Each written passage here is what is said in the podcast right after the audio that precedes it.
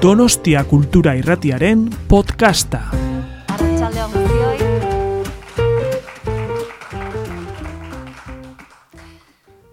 Ongi etorri, amaika entzuteko zazpigarren irrati piezen lehiaketako sari, sari banaketa ekitaldi honetara.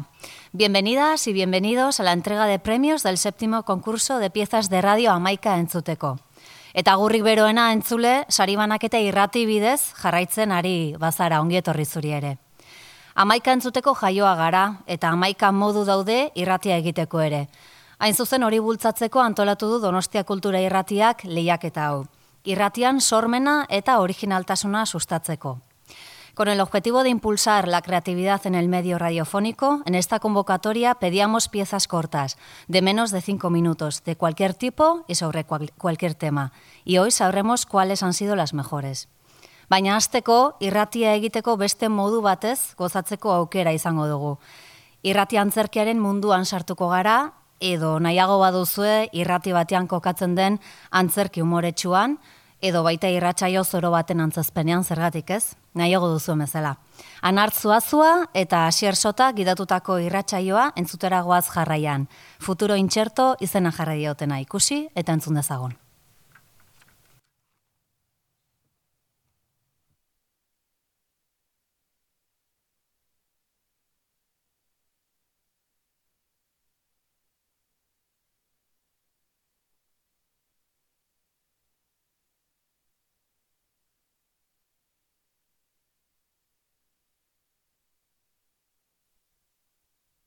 Zai daukagu, bai, Haupe, kaixo, eskerrik asko etortzagatik, hemen eh, gaizki ulertu bat egonda. Ba, bai, Baina, bueno, eh, lasai PCR-aren egongo PCR-aren eh, bueno, emaitzaren zain egon. Eh, da. barkatu. da. Bueno, Asier, eta? Bai. Eh, Zemuz, zemuz? Ba, bueno, kaixo, kaixo. Eh, ondo, ba, zer esango dizut, ondo eta eh, negatibo. Barkatu, Asier hori ezin da izan. Mm. Ez, ezin zea, ezin zea eh, ondo egon ezkorra izan da. Eh, ez, ez, ez, ez, ez, ezkorra ez, ez, ez. Nola eset? Beira zenbatez sartu dituzun esaldi berean. A ber, ez da horian hartze, eh? Ara, gaur egun, eh, ondo eta negatibo egon zaitezke, ulertzen? Ez, ez ez dut ulertzen. Ara, eh, begira, eh, begira. A- Ara, negatiboa beti gauza txarra izan da. Eskola garaian adibidez. Negatibo bat jartzen zizutenean, zerbait txarra zen. Negatibo egotea ezkorra izatea zen beti. Termometro batean balore negatiboak aurkitzea, hotza dagoen seinale adierazi du. Bai. Burtsan, balore negatiboak galerak suposatzen ditu. Orain berriz, negatibo izatea positibo da, eta positibo izatea negatiboa. Ulertzen? A ber, Asier, ea ulertzen dizudan, ze esaten naizea, oin nire alabak ikastoratik negatibo batekin balin badator, nik zorion egin behar Portaventura eraman behar dut? Edo adibidez, e, nire nagusia jarrera negatibo dudala esaten didanean, ni potrojorran jarraitu dezakedala? Ez, ez, ez, ez, ez gizona, ez, ez da hori, ez da hori, eh? Ba, baina zerbait aldatzen ari da, eh? Txerto? Txerto. Baina, noiz, noiz gertatu da paradigma aldaketa hau, eh? Zein unetan, hasi gara negatiboa positibatzen eta positiboa negatibizatzen. Arek esaten zuen bezala, badakigu nondik gatozen, baina ez nora goazen. Txerto? E txerto! Beno, Asier, txerto azari garela, zuba aldakizu noiz sortu zen lehenengo txertoa? Ba, ba ez, ideiarik ere ez, eh? Baina ideia badaukat. Igo gaitezen duela lau urte Wallapopen erosi genuen demoraren makinara. Venga. Ara,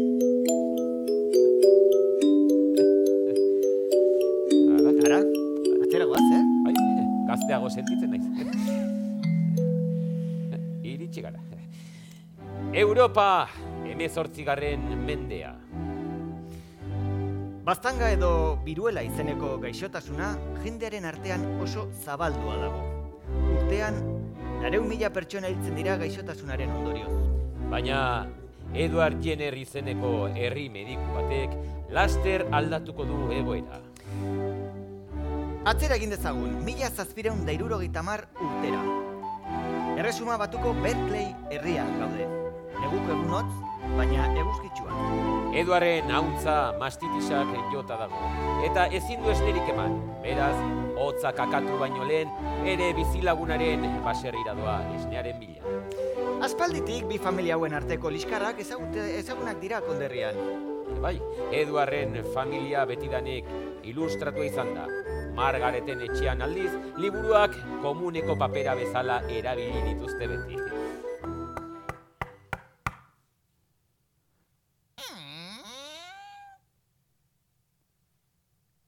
Kaixo?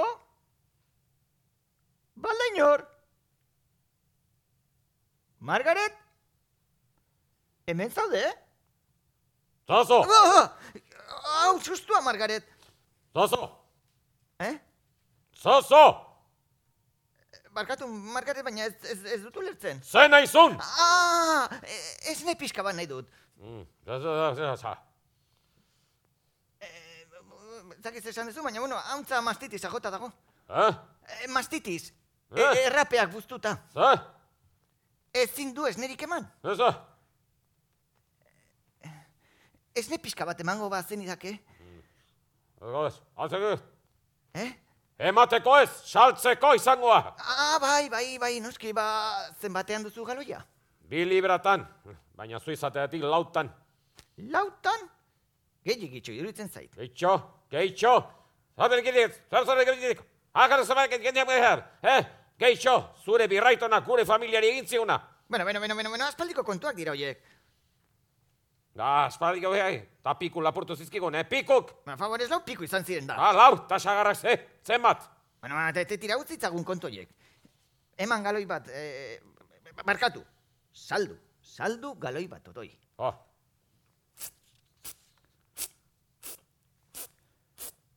Oia, ez, ni ematia.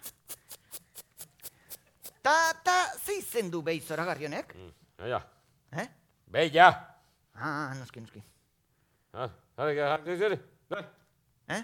Zerriak ze izen, ez izen duen jakina jalduzun. Zerri? Ez, Eduard. Ah, horea. Tira, hemen duzu, lau libra. To, eskerrik asko. Ez dut baboiek? Zure da, libra oso. Eh? Libre erdia bi libretako poltsa. Ez, ez, ez. Eskukoak diot.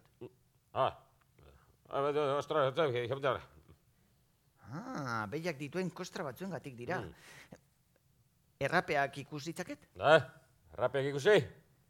Ah, begiratzeatik lau penike, ikutzeatik amar, eta intimidade gehiago beharrezkero, bos libradatik ordu erdi bat uste izut berarekin bakarrik. Bueno, ba, tori bos libra. Kotxino zikina. Ei, ei, ei, ei, ez da pentsatzen duzuna. Ai, gizon guzti berdin esatezue. Je, ezu, ta suabe, eh? Suabe. Bueno, bueno, bueno, bueno.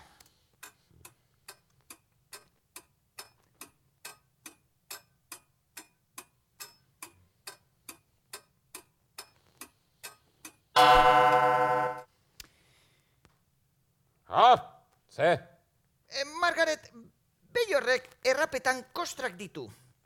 Beraz, behi bastanga du. ze, Biruela, ze, gaixotasun bat. Zu gaixorik egon altzara. sekula ez, zure ganez juteatik. Margaret, zure eskua eskatu nahi dizut. Ze? Eskua, Ze, no me jodas, eh? Ez ze, eskonduko. eh? Ez dudala zurekin eskondu nahi. Ez ez, Margaret, ez gaizki ulertu. Uste dut aurkikuntza izugarria egin dudala zuri esker, zure, zure, zure eskuak ikusi behar ditut. Eskoak ikusi? Bost penikegatik. B- To. Eureka! Bella gaixorik dago, baina zu ez. Badakizu zergatik? Eh? Zera, Eh? ez ez. Beiak errapetan duen kostra horrek zure eskuetan zorna sortu dute. Zorna horretan behi biruelaren birusa duzu. Biruela hau, gizakin biruela baino suabeagoa da. Horregatik ez duzu sintomarik sentitzen. Baina, baina eta entzun ondo, horrek biruela arruntaz babesten zaitu. Gero nere izketa, eh? Nere izkera itxia dela. Ze demontre esan duzu? Uste dut, mundua sendatuko duen irtenbide aurkitu dudala. Irte bidea, Ni gaixotzea azpaduzu nahi, hor duzu irte media, atia, segi mendigan. Eduarrek kostata Margareten eskutik behi biruela hartu zuen eta James Phipps sortzi urteko ume baten besoan ziztatu zuen. Berrogeita zortzi egun pasa eta gero, umeak behi bastangaz sendatu zen. Orduan, Eduarrek gizakiaren bastangaz iztatu zion umeari, eta honek ez zuen sintomarik itzen. Eta horrela, Eduarrek lehenengo txertoa asmatu zuen. Txerto? Txerto.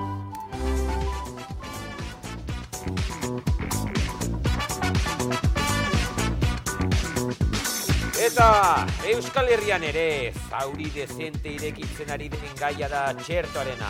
Txerto? E txerto, gurean garai batean politikak edo alardeak familiak zatitu zituen bezala, orain COVID emeretziaren gai gordinak bide bera darama. Ba, gizartea zatituta dago, batzuk COVID-19 benetako dela diotenak, besteek existitzen ez dela. Batzuk txertoaren aurka, beste batzuk espeziaren biziraupenaren gatik edozin txerto hartzeko prest.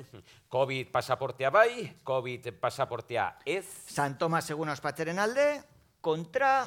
Olentzero Mari Domingin edo errege magoei etxetan sartzen utzi behar zaie? COVID pasaporte askatu behar zaie? Edo gurasoek hartu beharko dugu berriz ere opariak banatzaren karga. Polemika mai gainean dago. Eta jendeak zein iritzi duen jakiteko kalera irten gera. Eneko bidali dugu bertara jendeak zein iritzi duen ezagutzea. Aurrera, kale termometroa! Pero, kaixo, kalera irten naiz jendeak COVID-19aren gaiari buruz zein iritzi duen esagutzera. Ta horretarako jodeze hotz egiten duen, oberena jenderi galdetzea da. Kaixo, e, zure izena?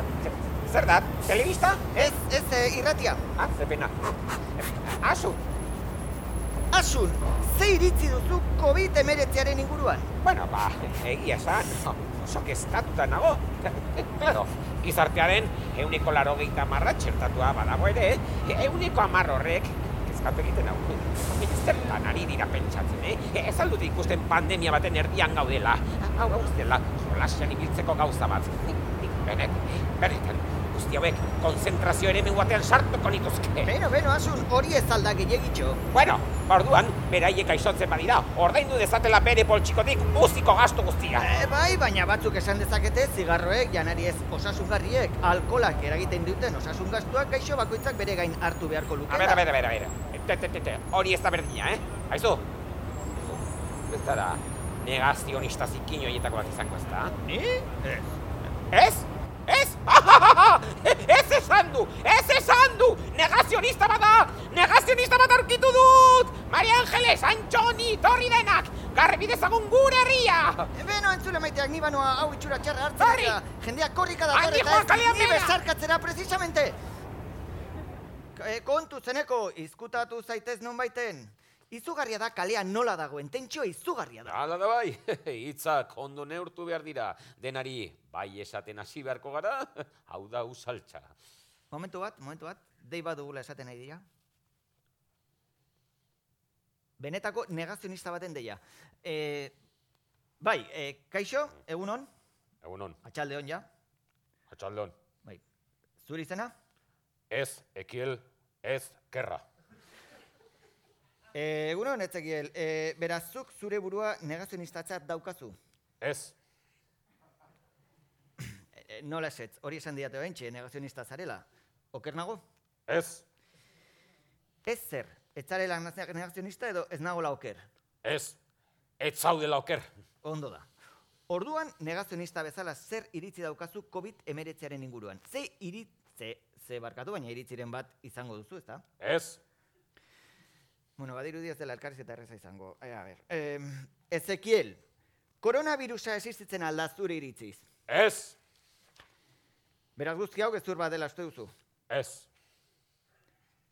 Orduan, Gezurra ez, ez da egia. Ez berdina da.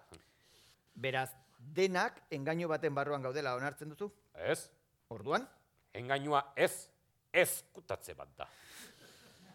ongi da, ba, eskerrik asko zure hitzengatik. Ez horregatik. Ba, ba, barkatu baina eneko taberna batean omen dago Bai, ezkutatuta. ala da, e, eneko, bai? Bai, bai, bai, e, e, lortu dut iaz egitea. Ia jipoitu egin dute. E, taberna batean sartu naiz, ez didate COVID pasaporte eskatu. Salda bero bat hartzea zen nire ideia, baina kamariruak ez dutela esan dit eta kafe esne bat hartzen ari naiz, bi sobau patxegokin. Zuen izena? Eh, bai, ni Juanlu eta Ortiz. Eta ze iritzi duzu ez zuek COVID emeretziaren inguruan? Bueno, ba, guai, sin más. Txertatu egin gara, ze bestela ezingo gera tabernetan sartu. Hori bai, niri txerto ona sartu ziaten. Ortizeri berri txarra. Ba, baina bera ondo dago, eh? A que sí, Ortiz? A que estás bien? ¡Eh! ¡De puta madre! ¡Llevamos tres días de marcha! ¡No! ¡Eh, eh, eh, eh! Ze ondo hiro egun, nazte pena bere familiaren zat, bueno, en fin. E, neurria eta hartuko dituzu ez da?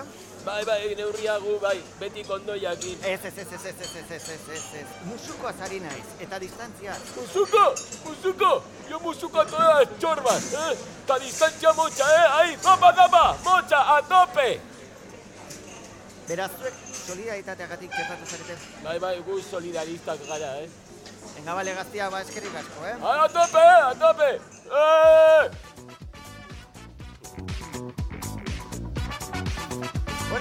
Bueno, eskerrik asko eneko, espero bi soba boiek kontrako estarritik ez dutea. Ala da bai. Eta orain, berriak.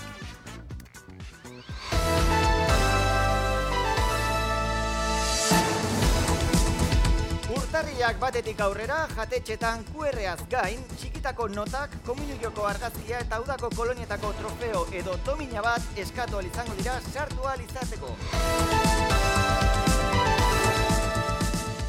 Pasaporte berriarekin edozein jatetxe, taberna edo denda, zure etxeko kontsulatu bihurtuko da. Bertan, asilo politikoa eskatu izango duzu hemendik aurrera. 2008 batean gehien entzun den abestia, Rocío Juradoren como una ola, bi, iru, lau, bos eta sei izan da.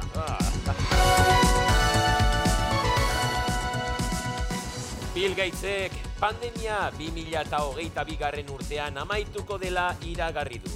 Virusei buruz norbaitek zeo zer badaki hori ni naiz esan du Bill Gatesek.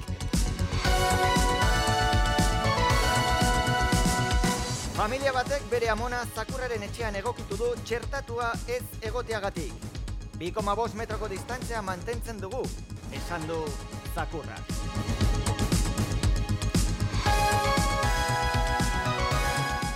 Ibes, hogeita amabostak, irekiera positiboa izan du.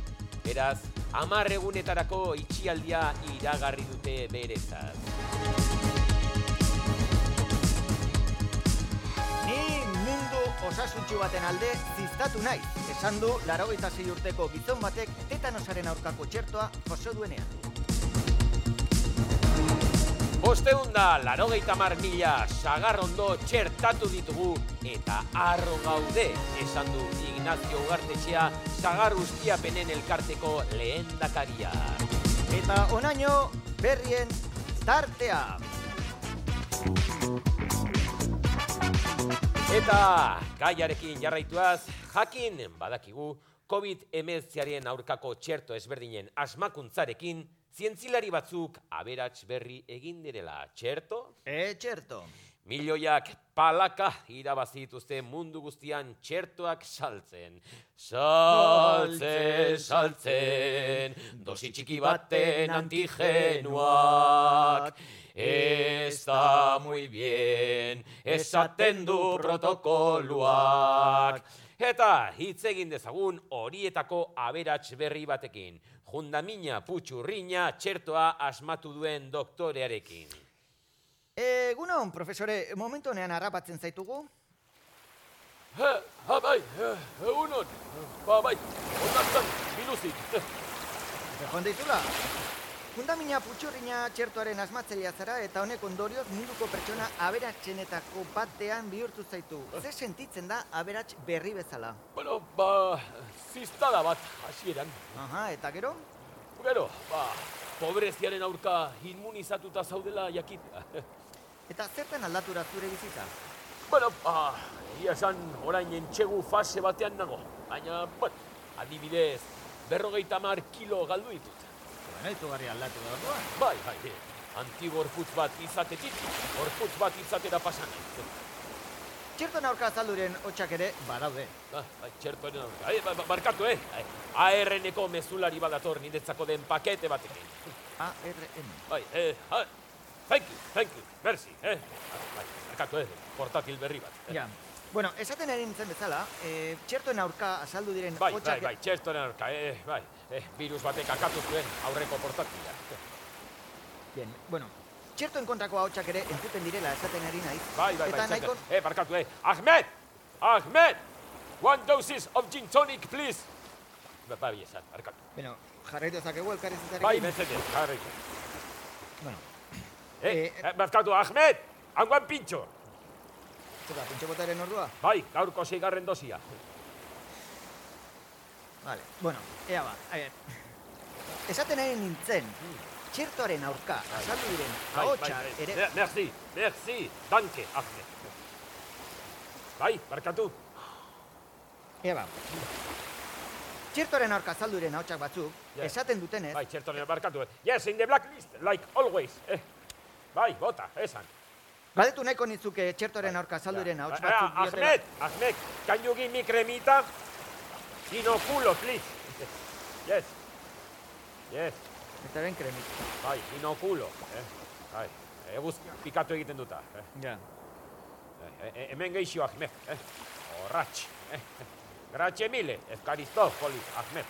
Bueno, bitu, ikusten dudan ez zaitugu momentu honean harrapatu, eh? Así que, venga, eskerrik asko zure denbora eskaitzeagatik eta espero dut ondo jutea bizitzan. Bai, eh, bai, bai, ba- barkatu pixka bat liatu harrapatu nauze gaur, eh? Orain ere, olatu batzuk hartu behar ditut, eta ho- hori bai, entzulei mezu bat helarazi nahi dio. Eh, Aldut, Bai, bai, tira. eh, mesedez, hartazue txertoa, eh? Zazue pentsatu bitan. Dosiak soberan izango ditugu. Laugarren, amargarren, berrogeita amargarren dosiare egongo da, eh? Beldurrik ez izan. Guk, hemen gaude, edo zertarako. Ba ez dizut denbora gehiago lapurtu nahi. Eskerrik asko eta agur. Venga, va. Ahmed, Ahmed, the surf table, para calor. Eta orain, lehiaketa tartea iritsi da bai, lehiaketa. Eta antxe egongo dira Montezabalen gure bi lankideak Jose Miel eta Miel Jose. Kaixo, entzuten gaituzu, eh?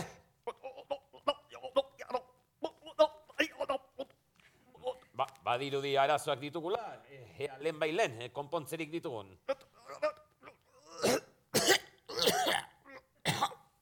Bai, Uh, barkatu, txixo zatitxo bat trabatuta nuen estarrian da. Listo, Bueno, ya está. Ba, ba, ongi da. Eh, ba, aurrera, eh, aurrera gaurko lehiaketarekin. Eskerrik asko lankideok, Miel Jose, ondo zaude? Bai, ointxe primeran.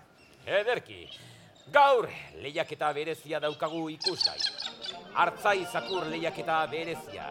Ardien ordez, pertsonak izango ditugu jolas zelaian. Ba, bueno, hala da, hartalde efektua erakusteko aukera izango du hartzain bakoitzak. E, deigarria bada ere, ez da, Jose Miguel? Ai, hala da, oso, bai, gaurkoan Frantziatik etorritako Jean-François Pignot izango dugu lehiakide lehenengo txandan. Jarraian, Uriol Puigkorbe hartzain katalandarra izango dugu. Eta Manuel Etxaburu amaitzeko gure ordezkaria. Partaideak, zelaira gerturatzen diren bitartean, froga ezberdinak azalduko dizkizu. Bai, e, alaxe da. E, zakurrak honako lanak bete beharko ditu. E, lehenengo, zubia pasa. Hala da, bigarren froga pasabidea igaro behar du. Hirugarren, e, hartaldea bildu. Hori da, laugarrena, hilaran esitartetik pasa, pasaportea eskatuz. Bosgarren, makilan, hartalde osoari PCR bat egin eta amaitzeko, Eskortan sartu beharko ditu, 2,5 metrotako distantzia mantenduz batetik bestera. Bueno, e, esan behar da ere bai, giro polita dagola bertan, naiz eta hotz itzela egin. Bai, hala da, sekulako hotza egiten du. Eta berotzeko iragarkien tartea, aurrera iragarkiak. Jose Miguel, oita hotza dauna. Ni da honek usot kubotxoak egin gaitut. Ze, azpiko hiek? Bai. Kutu nahi. Ez, ez, Oso gorra daude, eh? ez, ez, Benetan. ez, Eta ikusi, ez, hostia, ez. eta nik zureak ikusitzaket. Ne, Bueno, bueno, bueno, eh, ala, venga, eh, ikusi jolastela ja, eh, badator lehen hartzaia, eta, eh, ba, ba, barkatu, eh, eh, ez direla iragarkiak entzun, antenan jarraitzen dugula, ba, eh, bai, eh, eh, entzule, entzule maiteok, eh, hemen jarraitzen dugu, esan bezala, badator lehen lehiakidea Jean-François Pignon, isiltasuna nagusi, eta badoa txakurra. Zubia igaro du goix, goix, goix, goix! pasabidea ere, jendea agurtuz, eta gerturatu dar taldera. Bildu ditu esitartea pasa dezaten. Eh, Atuat! Baina, baina, ze, ze gertatzen ari da, eh? Bi- Biluzten ari dira eta arropa azpietatik kartelak atera dituzte. Eh, nire miopia engatik ezin dut irakurri ze jartzen duen. Ba, ba, ba, nik ere bista ez daukat oso santu, baina eh, stop a la dictateur sanitaire jartzen duela uste dut. Bueno, eh, nik alakorik ez nuen espero. Jean-François Pignon jendeari bere atz oh, luzea erakusten ari zaio. Oh. Erdiko azenolako provokazioa. Bai, bai, hala da, pena horrelakoak ikusi behar izatea. Beraien gobernua ez da postik egongo. Bueno, esango nuke odolean daramatela, Josemiel, ze beti izan dira iraultzaile xamarrak, ez da? Gogoratu bestela mila zazpiron da laro eta bederatzi garren urtean. Bai, Batxe- bueno, bai, bai, mil, Jose, eskarrik asko zure ekarpenagatik, eh? Baina, hor datoz, antidisturbioak. Oh. Oh, oh, oh. Bai, zuek ere, beti neurriz kanpo, eh? Bueno, kontuz pelot. Bueno, bueno, bueno, bueno, bueno, guzti, bueno. guzti hau baretzen den bitartean, iragarki batzuk entzungo ditugu. Hala, espero.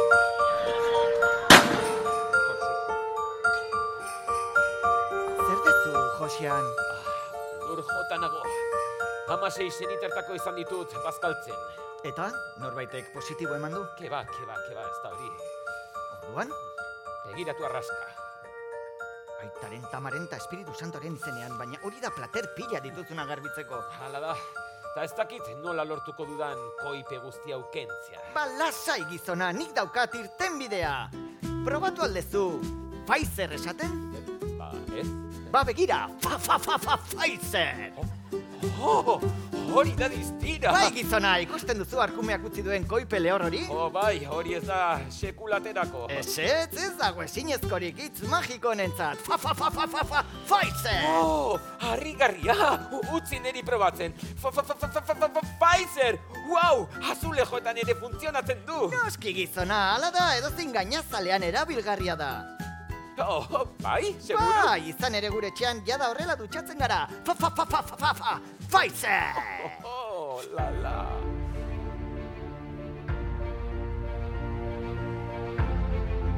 Ez du inporta zein azkar ies egin.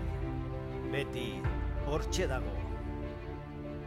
Aurrera begiretzare begiratzerakoan bertan da. Gurekin doa ematen dugun pauso bakoitzean. Bizkorragoak egiten garenean ere ikasi egiten du eta gure argitasuna zukutzea behartzen gaitu. AstraZeneca berria.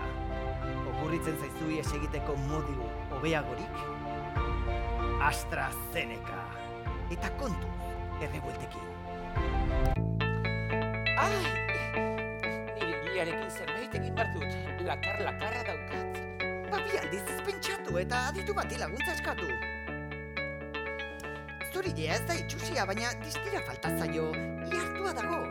Nik kasu hauetan Jansen aholkatzen dut. Jansenekin ilea distiratxua geratzen da, zeta antzekoa lantzeko erreza. Egia da, begira. Ikusten? Orain, ederra zaude eta gogoratu zurileak txampuon bat behar duela. Probatu zazu Jansen eta suediarra sentitu zaitez. Suediarra? Nitnam Armani Jose. Egia da. Beno, eta jolas zelaia berriro ere garbi dago. Giroa lasaitu da azkenean. Bai, antidisturbioa kamilan eraman dituzte eta hartaldea ere mutik kanpo jarri da. E, Mari Brizar e, garrafak eta akordeoia atera dituzte. Bai, baina gu geurera, eh? Ze badator hartzai katalandarra, Uriol Putzkorbe. Markan jarri da, eta... Badoa, zakurra, badoa. Zubia pasadu, pasabidea azkar asko ere. Hartaldea bildu du eta esitartetik pasatzen ditu. Covid pasaportea eskatzen ari da. Eta... Bueno, epaile kontzat ematen dituzte denak, eta egia esan oso txukun ari da zakur katalandarra, eh? oso kamada honekoa da, Imelda Kastelsek azitatuk. Ala da, ala da, bejonde jola, imela kastelzi. eh, makilera gerturatzen ari dira eta zakurrak PCR-ak egiteko zotzak atera ditu. Bueno, hori da abiadura antigenoak egiten. Bai, epaileek baietza aurrera egiteko denak negatibo eman dutela. Oh, Euskaldunari ez zaio errazuztenari. E, eskortan sartu ditu eta... E, ezin sinistu, ezin da sinistu, ba, baina zer, za- zakurrak dultzaina bat atera eta... Eta denak borobilan jarri dira eskutik helduta sardana dantzatzen, no? Bueno, olakorik ez nuen espero, irabazteko bidean zikoan. E, eta orain Castellers moduan jarri eta kastelu ere ikitzen hasi dira. Ara, ara, badua, umea gora. Igo da, eta kamiseta azpitik bildutako oial bat atera du, beruntz botata ireki du eta...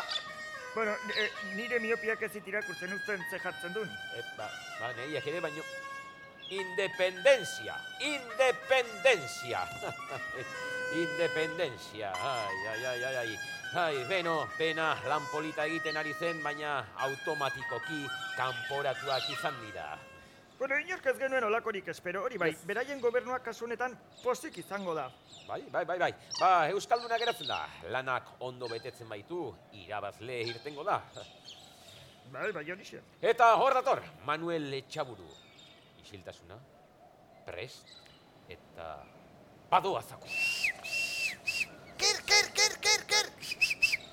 Zubia pasadu, pasabidea azkar ere, hartaldea bildu du eta zakurrak smartphonean duen aplikazio berezi batekin hartalde guztiak pasaportea duela esaten du irakurketa bakar batekin, irakurketa bakar batekin, eta Epailek ontzat ematen dute! Makilera eraman ditu eta zotzak atera ditu hori da, hori da antigenoak egiteko abiadura. PCR, ke pasada! Bueno, eskortara sartu dira eta 2,5 distantzian sakabanatu da hartaldea. Mm, Bai, ala da, ala da, epailek, eta epailek ontzat eman dute eta badugu, badugu irabazlea. Biba Manuel, biba zu, gora, haundia zara Manuel, haundia, gozatu, garaipena. Gure partetik, Gozatu, bai. ezer gehiago, eskerrik asko, Miel Jose, eta estudiori ematen digu txanda. Beno ba, entzule maiteak, ona arte gureak. Eskerrik asko gurekin egoteagatik, eta beste bat arte. Arek esaten zuen bezalaxe, badakigu nondik gatozen, baina ez dakigu nora goazen. Zerto? Zerto! Egu berrio ona izan eta urte berri on, on, ona izan dezazuela. Eta mesedez, amona ez bidali zakurraren etxetxora, eh? Urte berri on den hori. Eskerrik asko. È un mondo difficile.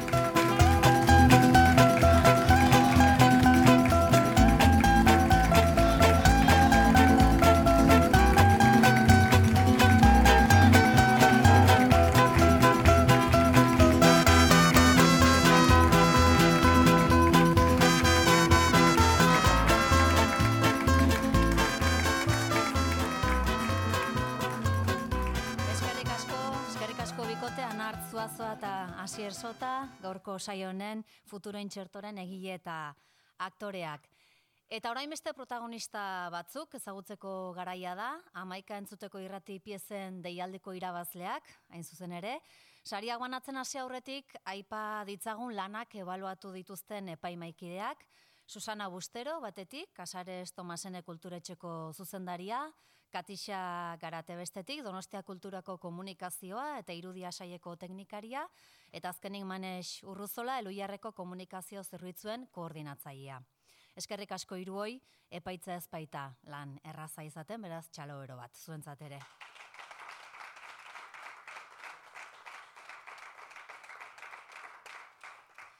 Y ahora sí, sin más dilación, conozcamos cuáles son las piezas ganadoras. Según las bases del concurso, este año tenemos dos premios para repartir. Epaimaiak aurten, lehiaketaren oinarriekin bat eginez, kategoria bakoitzeko lanik onenak aukeratu ditu. Beraz, hasi gaitezen euskarazko lan onenarekin. Epaimaiak erabaki du aurtengo edizioan euskaraz aurkeztu diren lanetatik onena Donostia Boisekin eta euskararen egunarekin elkartzen dituen audio pieza izan dela.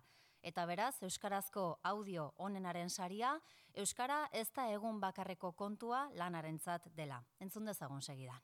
Euskararen eguna gaur data kantatzen Euskal Herri Euskalduna du galdarrikatzen Egun batez bakarrik ez denez ospatzen Hasi aurrerantzean gurea hautatzen Egunerotan non nahi Euskaraz mintzatzen Euskararen nazioarteko eguna laizter dugu gure artean.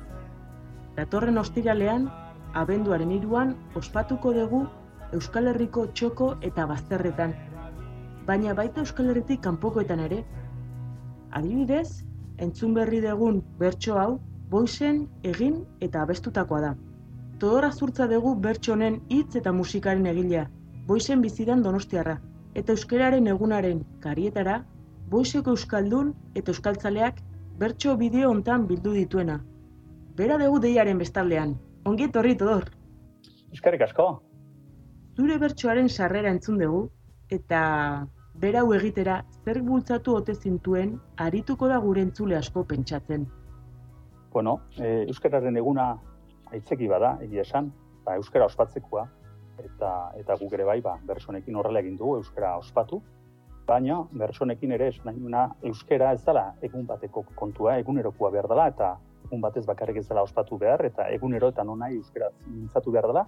Eta mezu hori ba, ba, nik ere zabaldu nahi nuen, bai hemen, gure boizeko eta Ameriketako eusko, euskal komunitatean, baina zabaldu mundu oso ere bai mezu hori esanaz, zein polita den gure gure hizkuntza eta zein polita den ba, gure hizkuntzan mintzatzea.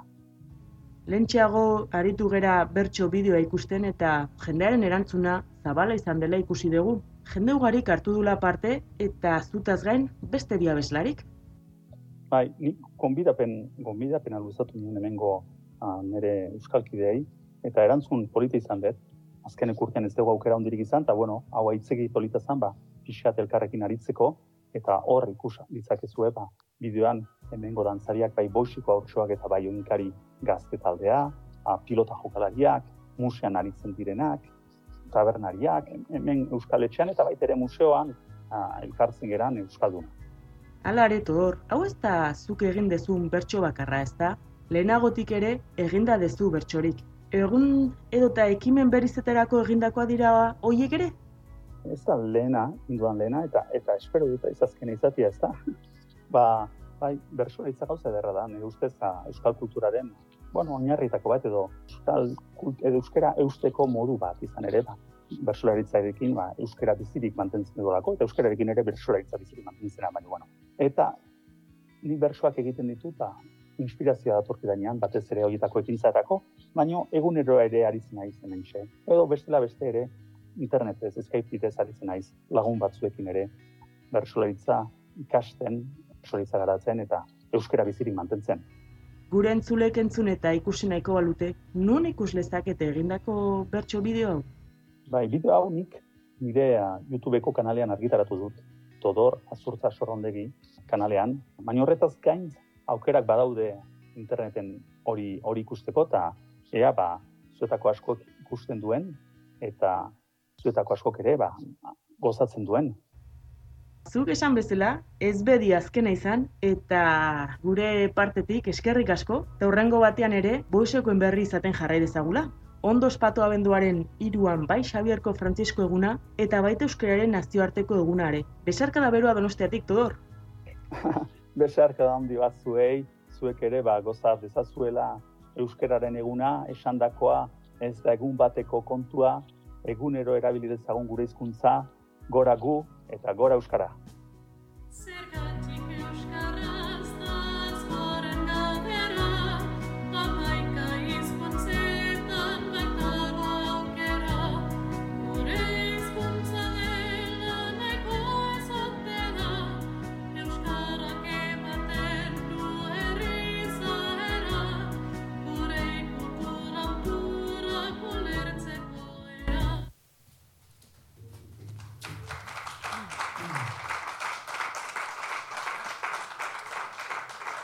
Hortxe ba, eta Euskarazko audio onenaren saria eta seireun euro, Mari Jose azurtzarentzat, Euskara ez da egun bakarreko kontua lanaren gatik, Jonin Sausti kultura eta Euskara zinugotziak emango dio saria aurrera, biok.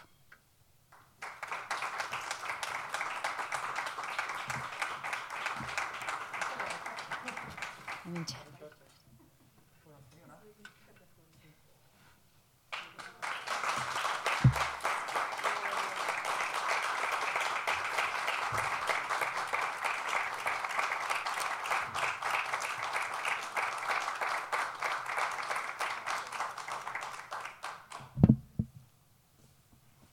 Zorionak, Mari Jose, zagit hitzik egin nahiko zenuken, zozer esan nahiko zenuken, bestela hemen daukazu, eh? Mikrofonoa. Bai, bai, bai. Mm, Hobe igual, bai, itzaiteko lasaiago, bai. bai. Bueno, egia esan, entzun dezuten, ez dakit piztu hau baino, entzun dezuten bertsoa e, boizen egina da, bai bertsoa eta bai musika bera ere, e, nik elkarrizketan nire anaiarekin izan nun, nire anaian bizi dalako, eta berak bideo hau egin zunean, ba, lehiaketa ikusi nun, eta ipatu nion, ia nerekin zeo zer egin nahi otezun, lehiaketa hontan parte hartzeko, eta euskeraz ere ba, zerbait aurkezteko. Eta bira, ba, espero gabe, biek, batek ez besteak espero gabe, e, ba, irabazin dugu. Deitu nion, dezen nion izu irabazin dugula, ba, bueno, ondo. Eta orduan, ba, berak, bertso bat intzun, eta esanen, ba, hemen abestuko nula. Musika berea denez, ba, ba ondo. Ez dakitia ondo abestuko dugu, baina, bueno. Eskuminak bidaliz donostia aldera, bertso honekin ator zuek agurtzera, antolatzaile paletenak eskertzera, bai ere mari jose gogoz txalotzera, ederra da egina duzun saiakera, egin dezagun berriz honela batera, euskera sustatzeko hau baita aukera, gure hizkuntze datuz mundu zabalera. Eta entzuten egongo dala esan didanez, ba, berari egurrak, eta, eta hau egin dezuen guztiei eskerrak.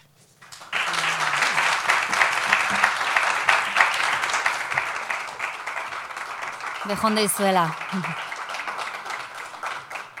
Vamos ahora con el segundo trabajo premiado de este año. En palabras del jurado, se trata de un ejercicio de experimentación que a través de un collage de capas sonoras plantea un viaje sensorial de forma muy efectiva y técnicamente solvente. Por ello, el premio de, a la mejor pieza de radio del concurso Amaika Entzuteko es para Una puerta, un portal. Escuchémoslo.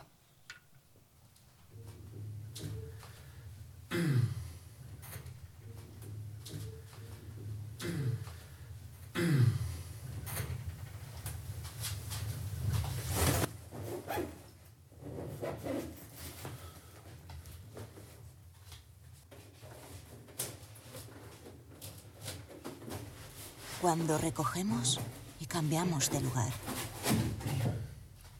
Cuando nos vamos, no nos vamos del todo. Y tampoco llegamos a un lugar del todo nuevo.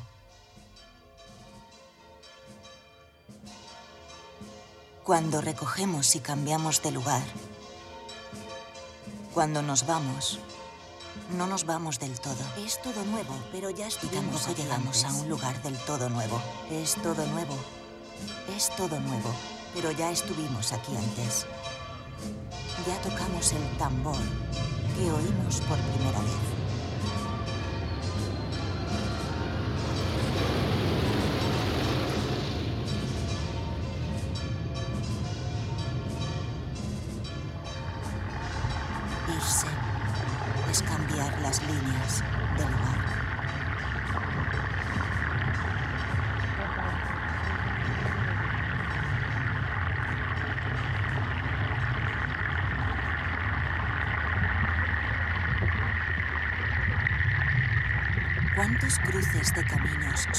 Necesarios para entender que ya hemos pasado por aquí antes?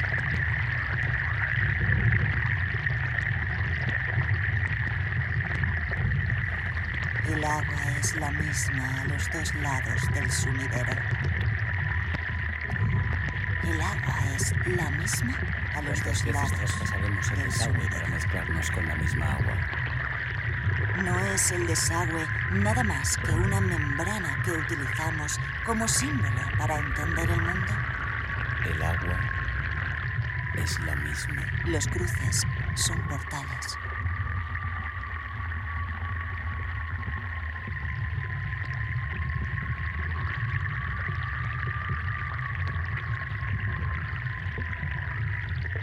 Los cruces son portales que nos permiten explicarnos el mundo. ¿Cuántas veces traspasaremos el desagüe para mezclarnos con la misma agua? Hay membranas al alcance de la mano que hablan de lo permeable. La frontera, el viaje, el sentimiento religioso, los cruces, el desagüe, los espectros. ¿Cuántas veces El viento. traspasaremos el desagüe para mezclarnos con la misma agua? El desagüe. El desagüe. William Blake escribió, El progreso traza caminos rectos, pero los caminos tortuosos, sin progreso, son los caminos del genio. Aún inmóviles podemos percibir la montaña rusa de acantilados y basta un desliz. O aparecería alguien invisible y me lanzaría o de que yo me podría tropezar y caer.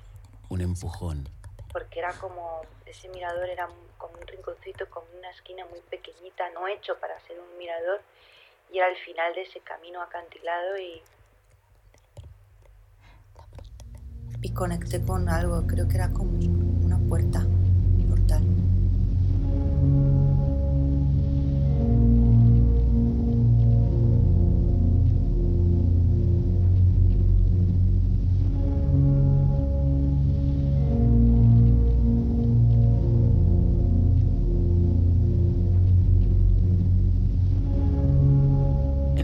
en las fosas abisales de nuestro entendimiento,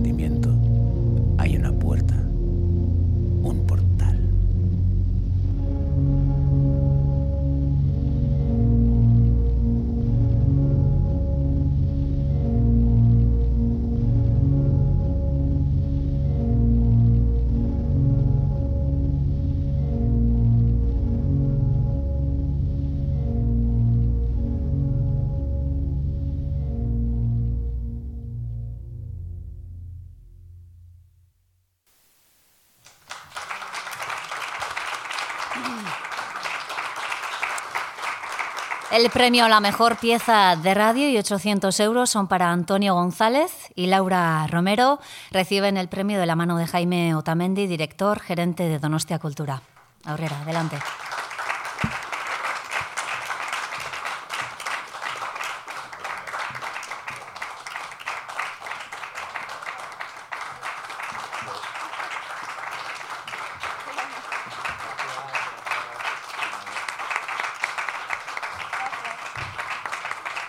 Antonio es músico y experimentador sonoro y Laura es realizadora de radio, actriz de voz y docente investigadora en narrativas sonoras. Antonio viene de Barcelona y Laura de Valencia, así que les agradecemos mucho que hayan recorrido tantos kilómetros para estar hoy aquí con nosotros. Muchas gracias y enhorabuena a los dos. El micro es vuestro.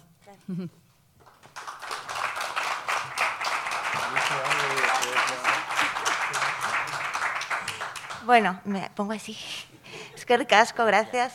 Estamos muy, muy contentas. Y, y bueno, yo solo apuntar una cosa. Muchas gracias y enhorabuena también a todo el equipo de, de Donosti Cultura y Ratia. Yo tengo especial cariño a este certamen porque ya lo conocía de hace años, cuando empezó como Teatro del Aire, de hecho.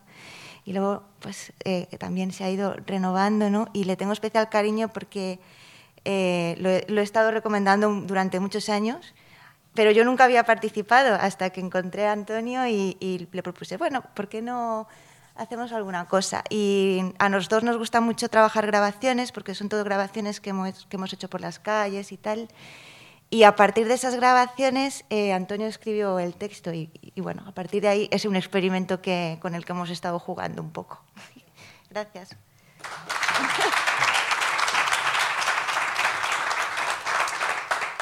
Y nada, yo, yo solo añadir que, bueno, a mí, a mí personalmente eh, me ha hecho mucha ilusión porque, como decía antes a Manex, bueno, mm, me hacía falta me hacía falta una palmadita en la espalda de alguien que no fuera un amigo, una amiga, ¿no? Que te diga, no, esto está muy bien lo que haces, está muy bien lo que haces. Pero bueno, que venga un desconocido, una desconocida, ¿no? Y te diga, bueno, pues tu trabajo está bien, eh, pues es, de muy agradecer.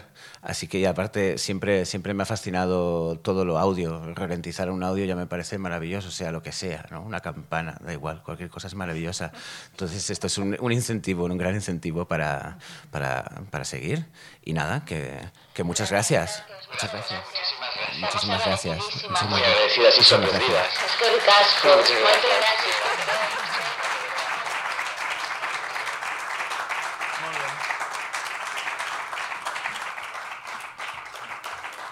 Zorionak eta eskerrik asko bikote. Los miembros del jurado y los organizadores quieren dar las gracias a todos los participantes de este concurso, que han sido muchos, y les, anima, les animan a que sigan eh, por este camino. Han recordado además que siempre que quieran pueden contar con los estudios de Donostia Cultura y Ratia. Honen beste zamaitu ingo dugu, gaurko ekitaldia, mesedez aridunak zatozte, berriro holtzara, gerturatu, azken txaloak jasotzera, eta argazkiak atotz, a, ateratzera elkarrekin. Eta eskarrik asko etorri zareten guztioi, agur bat irratiaren bestaldean zaudetenoi, eta nola ez jarraitu amaika entzuten. Gabon pasa eta aio.